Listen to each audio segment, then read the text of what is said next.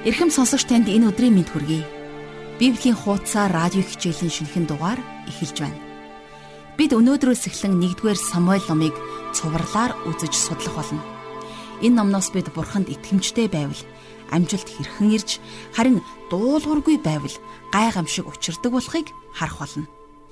Энэ нь Бурханаас тахилж илгээд хандан намайг хүндтгэхстийг би хүндтгэн намайг үл тоомсорлохстийг би үл хайхрна гэснээс тодорхой харагдаж болно. Бас 1-р Самуэль ном бол Самуэлийг төрхөөс ахуулаад Саулыг нас барах үе хүртэл буюу Израилийн бараг 100 жилийн түүхийг багтаасан байдгаас гадна шүүгчдийн үеэс эхлэн анхны хаан гарч ирэх үе хүртэлх үеийн тэр түүхэн үйл явдлын холбоос болдог гэж Библи судлаачид үздэг. Өөрөөр хэлбэл энэ ном бол Саул, Самуэль, Давид гэсэн Израилийн гурван гол удирдгчийн амьдрал ахуйтай холбоотой ариун баялаг түүхийн нэг хэсэг юм. Гэхдээ энэ ном бол Саул болон Давидын амьдралыг гэхээс илүү Самуэлийг илүүд онцлсан байдаг. Энд Бурхны нэгэн агуй хүн болох иш үзүүлэгч дахилж Самуэлийн түүх бүрэн бүтнээрээ гардаг. Энэ хүн бага балчраасаа Бурхны өмнө дуудагдж сүмд үйлчилж эхэлсэн. Тэр Бурхантай маш ойр байсан нэг. Тэрээр Израилийн сүнсний хүчрхэг удирдахч байж ард олны хайр хүндэтгэлийг хүлээхийн зэрэгцээ. Бурхны удирдах хаант улсын төлөө зүтгэсэн тийм л эрхэм итгэлийн баатар юм. Тиймээс түүний амьдралаас бид эзний дуу хоолойг хэрхэн сонсхийг хамтдаа суралцгаална. Миний хонин сүрэг дууг минь сонсдог. Би тэднийг мэддэг бөгөөд тэд намайг дагдаг юмаа гэж шинэ гэрэний Иохан номын 10 дугаар бүлгийн 27 дугаар ишлэлд бичигдэн үлдсэн байдаг. Ингээд хамтдаа бурханд үнэнч итгэмжтэй нэгэн хүний амьдралын түүхээр аялахдаа бурхны бидэнд ойлгож ухамсарлуулахыг хүсэж байгаа онцгой мэд гайхамшигтай үгийг шүүрдэн авцгаая. Харин танд өнөөдрийн хичээлтэй холбоотой асууж лавлах зүйл гарвал мэдээж хичээлийн төгсгөл зарлах захим шуудангаар хандан бидэнд заавал загталчээрэй. Тиймээс энэ цагийг бурханд даатгаж залбираад жаргал агшийн хичээлийг хүлээн авч сонсъё.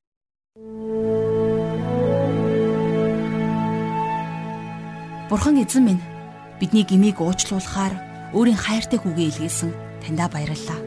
Бас таны зам үнэн ам болсон тэрл эрхэм нандин үгийн тань төлөө би танд талархлыг өргөе. Эзэн минь ээ та одоо хүргэх үгсээрээ дамжуулан өөрийнхөө тухай олон зүйлийг мэдүүлж илчилж өгөөрэй. Танд итгэлтэй тууштайгаар үйлчлэхэд та энэ л үгээрээ бидэнд урам зориг, хүч тэнхийг хайрлаарай. Их эзэн минь бид таны үггүйгээр таны ариун сүнсний хүч чадал удирдамжгүйгээр бусдын итгэлийн амьдралд ямар ч өөрчлөлт ахиц твшил сайн сайхныг авчирч чадахгүй билээ. Эзэн минь бид тийм л мөхөс дорой ардтмөн. Тиймээс та үгээрээ бидний замыг гэрэлтүүлж таны алдрын төлөөх бүрэн бүтэн ашиглагдахад та биднийг дуудаж өгөөрэй. Бид хичээлийн энэ цагийг эхнээс нь дуустал танд өргөж байна. Шинтэн сонсож, танд алдрыг өргөж, бас ам амьдралаараа таныг гэрчлэн харуулахын төлөө бид энэ цагийг бид зүрх сэтгэлээ танд өргөж, Есүс Христийн нэрээр залбирanгуйж байна. Амен. Харин одоо жаргал авших хичээлд анхаарлаа хандуулъя.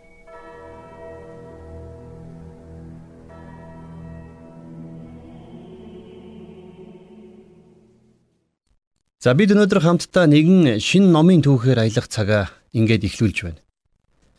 Тэгэхээр хуучин гэрээний 1-р Самуэль ном болвол эзнийг хүндлэгч эмэгтэйн тусламж гуйсан дуугаар эхэлдэг. Тэр үед хүмүүс хааныхаа төлөө хашгиран уйлж байхад хаана гихч нэгэн эмэгтэй хүүхэдтэй болохын төлөө уйлан гуйж байна. Бурхан энэ эмэгтэйн дууг сонсож хариу өгсөн байна. Эмэгтэйчүүд бурхныг дуудахад Бурхан хөдөлгөө гэдгийг та бид нар энэ түүхээс харах боломжтой. За хаана Израильчуудын эзнийг магтдаг байсан нэгэн газар болох Шилод уйлан хайлан залбирч байх үед тэрнийг тэргүүн тахилж Эли согтуу байна гэж боддог.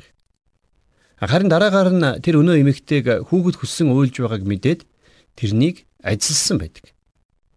За ингэж хаана Самуэль гихч нэгэн хүү төрүүлээд тэр түүнийг амлсан ёсороо тахилж Элид авчирч өгнө. За ингээд 1-р Самуэль номын 1-р бүлгийн эхний хоёр ишлэлийг хамтдаа уншицгаая. Ефраимийн уулархаг нутгийн Раматаим Зофим нутагт Илкана нэрт нэгэн хүн байжээ. Тэр хүн Ирухамын хүү Илихүүгийн ач, Тохуугийн 30, Ифраим хүн Зуфийн 40 байлаа. Элкана хоёр их нэртэй байсан бөгөөд нэгнийх нь нэрийг Хана, нөгөөнийх нь нэрийг Пенина гэдэг байв. Пенина хүүхэдтэй харин Хана хүүхэдгүй байжээ. За ямар ч тач Илкана гэж нэгэн хүний тухай түүхэнд гарч байна, тийм ээ. Тэгэхээр Илкана хоёр их нэртэй байсан гэж энд бичсэн байна. За тэгэхээр асуулт. Бурхан ер нь ийм зүйлийг зөвшөөрдөг байсан болов та юу гэж бодож байна? Тэгэхээр энэ хэсгээс уншаад Бурхан Илканаг хоёр их нэртэй байсныг огтхонч сайшаагаагүй харах боломжтой. Тэгэхэр биш үү зарим зүйлүүд Библиэд бичигдлээгээд Бурхан тэднийг зөвтгдгөө гэсэн үг биш юм. Тэр үгээрээ бидэнд тухайн үеийн түүх за хүмүүс тэдний амь амьдралын талаар мэдээллийг үнэн боддоор өгч бичүүлсэн юм. За жишээлх юм бол бурхан сатаны худал хэлснийг Библиэд оруулан бичсэн байдаг. Мэдээж энийг магтанд сайшаахын тулд бичээгүй. За бас Авраам Хагаар гэгч өөрийн шивгчин эмэгтэйг эхнэрээ болгоход бурхан ямар ихээр дургуутж байсныг та бид нар мэднэ. Тэрний энэ эмэгтэйгээс төрүүлсэн хүүгийн үр сад өнөөдөр ч асуудал үүсгэсэн хിവэрэл байна. Хагараас төрсэн хүү Ишмаэл арабчуудын өвөг дээдс болсон юм. Гэтэл Евдэ болон арабчууд өнөөдрийг хүртэл хоорондоо зөрчилдсөөр л байна. За Илкана хоёр их нэртэй байсан учраас тэрний гэр бүлд асуудал бас л үүссэн. Энэ нь бурхан тэднийг өрөөгөөгүй гэдг нь харагдаж байгаа юм. За ингээд цааш нь үйл явдлыг үргэлжлүүлэн 3 дугаар ишлэлээс харцгаая.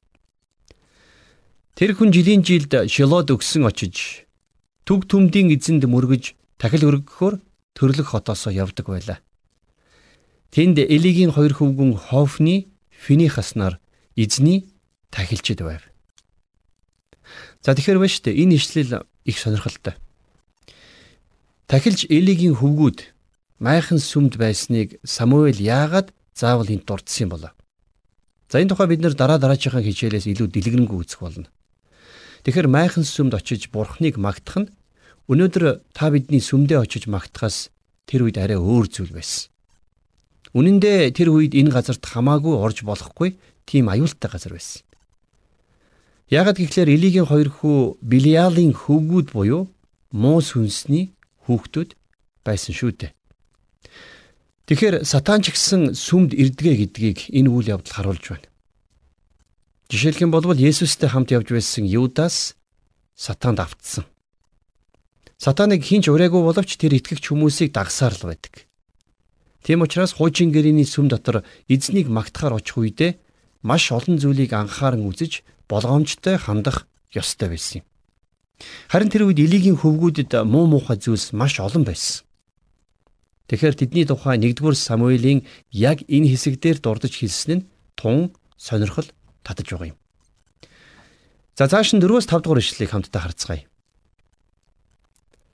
Илкана дахил өргөх өдрөө эхнэр Пинина түүний бүх хөвгүүд огтд хувь хүртээдэг байжээ. Тэрээр хаанад хайртай байсан учраас түүнд нэг хувь илүү өгдөг байв. Гэвч эзэн түүний хөвлөлийг хаасан ажээ. За Илкана өөрийн эхнэр хаанад нөгөө эхнэр болон хүүхдүүдээсээ илүү ханддаг байсан гэж дээр бичсэн байна. Учир нь ягаад гэхлээр тэр хаанад илүү хайртай байсан. Харин нөгөө эхнэр нь энэ байдалд нь дургу байх нь мэдээж ойлгомжтой. За тийм учраас 6 дугаар ишлэлдэр эзэн хевлийг нь хаасан учраас бүсгүйн өрсөлдөгч Пенина түүнийг бухимдуулах гэж байдгаар нь өддөг байлаа. За эндээс харах юм бол хаанагийн дайсан Мэдээж Элканагийн нөгөө ихнэр Пенина байсан. Тэд нар бие биентэйгээ цаг үргэлж өрсөлддөг байсан болохоор тэдний гэр тиймч таатай уур амьсгалтай байж үзээгүй. Бурхан хоёр ихнэртэй байхыг хизээж дэмжидэггүй. Тим гэр бүлүүдэд үнэхээр зөрчил ноёрхож байдаг. За тэгээд ч тэдэнд зөвлөгч, туслагч хүмүүс ч байгаагүй. Магадгүй тэр гэр таана хамгийн их гоник зовлонтой хүн байсан. Тэгээд тэр өөрийнхөө зовлонгоо бурхантай өөрийн чин сэтгэлийн залбирлаар хуваалцсан байдаг. За энэ тухай хамтдаа 7-оос 11-р ишлэлээс үргэлжлүүлэн уншицгаая. Жилээс жилд хаанаг эзний өргөнд очих болгонд ийм юм болдог бөгөөд Пенина түүний хорыг малтдаг байв. Тэгт нь хаана уйлж унжаад хоол унд ч иддэггүй байжээ.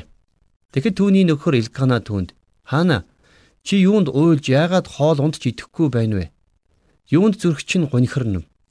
Би чамд 10 хүүгүүдээс дээргүй юу гэв. Шилод тэднийг хоол унд идэж дууссаны дараа хаана босов. Тэр үед тахилж Эли эзний сүмийн хаалганы багнын дэрэгдэх нэгэн сандал дээр сууж байсан билээ. Ихэд шаналсан хаана эзэн залбирэн гашуунаар уйлж байв. Тэр ам өчиг өгөн төг төмдийн эзэн минь хэрв та шивгчнийхээ зовлон зүдгүүрийг үзээд намайг санаж шивгчнээ үл мартан шивгчэндээ хөвгүүнийг өгвөл би түүнийг амьдралынх нь бүх өдрүүдэд эзэнд өгөх бөгөөд түүний толгойд тонгорогч хөргөхгүй гэв. Хаана гашуунаар уйлж байсан гэсэн энэ үгээрээ тэр хүүхдгүү гэдэгтээ маш их шаналн зовж байсныг илэрхийлэл болж байна. Тиймээс тэр хүүтэй болохын төлөө хүчтэй залбирч тэрний хүсэл биелвэл бурханд хоёр зүйлийг амласан байсан. За нэгдүгээрт нь хэрвээ хүүтэй болох юм бол тэр хүү насан туршдаа тахилж Леви овгийнхны үйлчлэлийг хийнэ гэж амласан. За хоёрдугаарт нь хаана хүүгээ бурхны үйлчлэлийн төлөө тусгай тангар гөргсөн үйлчлэгч зарцхан болгоно гэж амласан байна. За ингээд 12-оос 13 дугаар ишлэгийг харах юм бол Хаана эзний өмнө удаан залбирч байхад Эли түүний амийг ажиглан харж байв. Хаана зүрхэндээ ярьж зөвхөн уруулан хөдөлж харин дуун сонсогдохгүй байлаа. Тэгэхэд Эли түүнийг согтуу байна гэж боджээ. За Эли бол тэргүүн тахилж байсан. За тэгээд сэтгэлээр ихэд унсан эмэгтэйг залбирч байгааг олж харсан байна.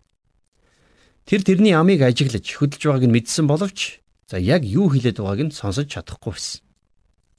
Тэрний эмэгтэйд өгсөн хариунаас бид тухайн үеийн байдлын тухай ойлгох боломжтой болно.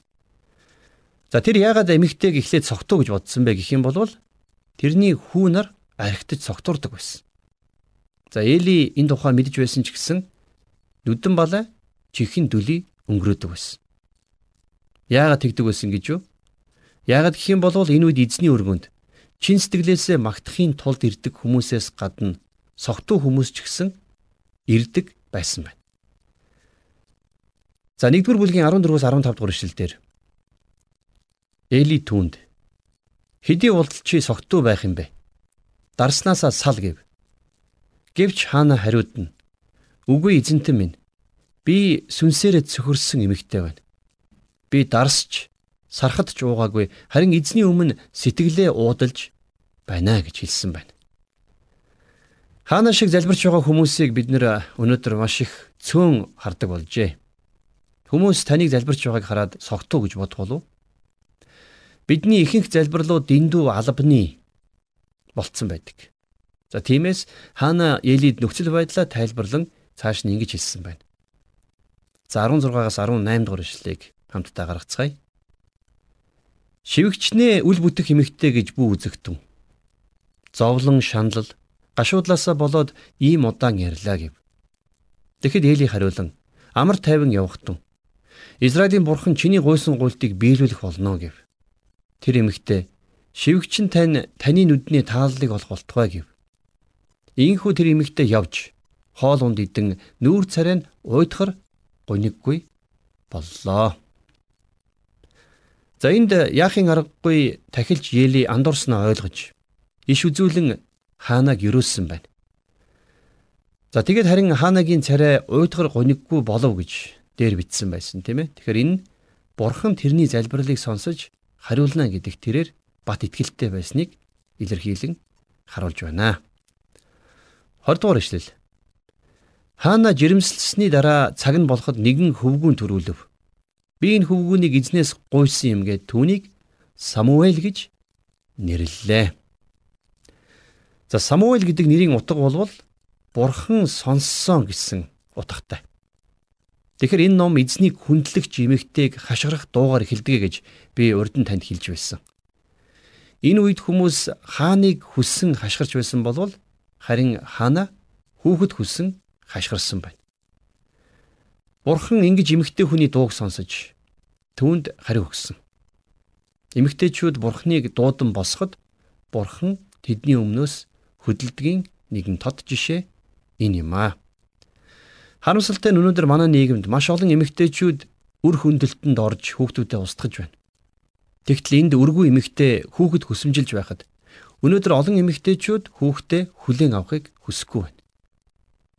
Хүмүүс биднэр 6 цэнгэл хөөцөлдөж явхдаа үр дагаврыг нь боддгоо хэрнээ. Хүүхдийн алтан амиар дэнчин тавьж өөрсдийгөө хаацаалдаг болсон. Хүүхэд ихийн хөвлөд бий болсон л бол төрөх ёстой. Түүнийг бий болгосон эцэг их хүүхдийнхээ өмнө хариуцлага хүлээх ёстой. А гэвч томчууд өөрсдийн алдаанаас зугтах гэж үргэлж оролдсоор байна. Гэхдээ бид нэгэн зарчмыг хатуу ойлгох ёстой. За юу гэвэл Галатийн 6 дугаар бүлгийн 7 дугаар эшлэлдэр Паул нэгэн ийм байдлаар анхааруулсан байна. Бүү мэхлэгд бурхан илэг доог болохгүй. Юу гэвэл хүн юу тарьснаа л хурааж авдгаа гэж. Тэгэхээр бурханы бидэнд өгсөн энэ зарчмын дагуу амьдрах учиртай гэдгээ бид ойлгох хэрэгтэй.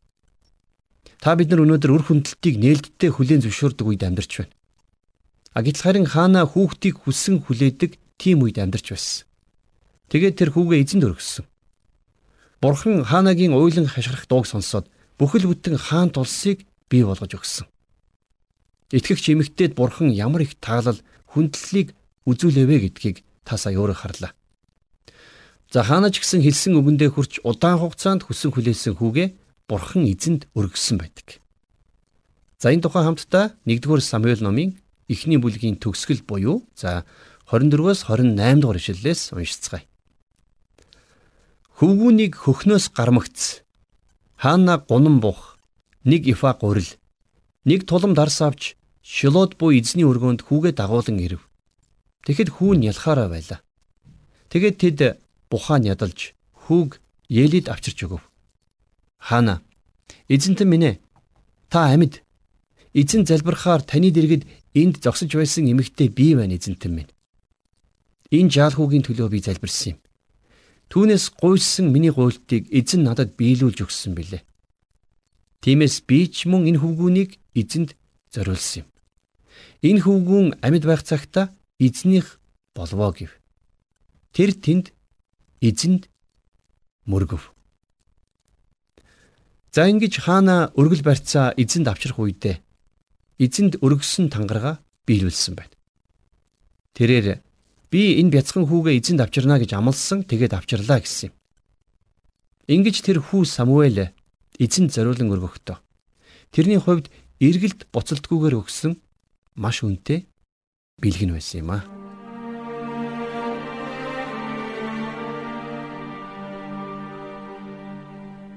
Тэгэхээр өнөөдөр бид хаанаагаар дамжуулан бурханд итгэмжтэй байх тухай үзлээ.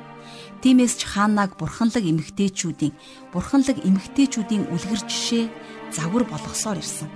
Энэ эмэгтэй уу гашуу зовлон дундаа эзнийг чин сэтгэлээсээ хайж бас дуудсан учраас эзэн бурхан түүний дуу хоолойг сонссон. Тэгээд түүнээс бурханы хаанчлалыг хөдөлгөх тийм нэгэн эрхэм хүүг төрүүлсэн. Тэр хүүгээ бурханаас ирсэн бэлэг гэж үзсэн учраас анх хүүгэдтэй болохыг хүссэн тэрэл цагаасаа эхлэн хүүгээ өөрийнхөө залбирлаар эзэнд зориулан өргөсөн. Тэгэж зогсохгүй хүүгээ төрөхт нь эзэнд зориулнаа гэж амлалтаа биелүүлж дахилж Елид хүүгээ аваачж өгсөн. Таны амьдрал ч гэсэн яг ийм зүйл одоо биелэлээ олох боломжтой гэдэгт та итгээрэй. Үнэхээр таны чин сэтгэлийн гал халуун залбирал Бурхны гарыг хөдөлгөж гайхамшигтээ өөрчлөлийг ам амьдрал дээрээ хийх бүрэн боломжтой. Учир нь шинэ гэрээний Яаков номын 5 дугаар бүлгийн 16 дугаар ишлэлд ийм нэгэн бурхны үг байдаг. Зөвхт хүний залбирал нь үр нөлөөтэй бөгөөд эхийг гүйцэлдүүлж чадна гэж Яаков бусад дагалдагчдыг итгэлийн ахан дүүсээ урамшуулж сорвжуулж бичсэн байдаг. Тиймээс бид бурханд итгэмжтэй байхын тулд зөвхөн итгэлээрээ зөв амьдрч зөв алхах хэрэгтэй. Учир нь тэр биднээс итгэлийг мань хүлээн авахыг хүсдэг. Тэгэхэр бид чин сэтгэлээсээ итгэж түүнд хандан залбирах юм бол аврал биелээ олох болно. Бурхны энэ гайхамшигтэ үгийг бидэнтэй хуваалцсан жаргал агштаа үнэхээр их баярлалаа. Харин одоо хамтдаа хичээлийн энэ цагийг өндөрлөөд сурсан зүйлийнхаа төлөө Бурханд талархах цаг гаргацгаая. Хайртай Бурхан аав минь Та бидний залбирлыг сонсож, үргэлж хариултаа өгдөгт баярлалаа. Бид таны үгийн төлөө онцгойлон талархаж байна. Та хүмүүс биднийг зүрх сэтгэлийн маань итгэл залбирлаар хүлээн авч ивэж өрөөдөг тийм л амьд бурхан, амьд эзэн билээ. Тиймээс та биднийг залбирал дотроо гал халуун байхад туслаарай. Тийхүү таны хайр нэгүсэл дотор байж, таны үгнээс аршаа мэд хутхан авч цаг үргэлж ундаалахад та биднийг тасгалжуулж өгөөрэй. Та бидний итгэлийг амьд байлгаж өгөөрэй. Их эзэн минь ээ бид өөрсдийн хүчээр зөв бас дуулууртай таруугаар амьдрч чадахгүй учраас та өөрийнхөө ариун сүнсээр биднийг ивэж, өрөөж та бас тийхүү дуулууртай зүрхсэтгэлээр биднийг дүүрэн шагнаж өгөөрэй. Бид ирээдүгээ ирэх өдрүүдээ оюун бодол зүрхсэтгэлээ танд өргөж Есүс Христийн нэрээр талархан залбирanгуйлаа. Амен.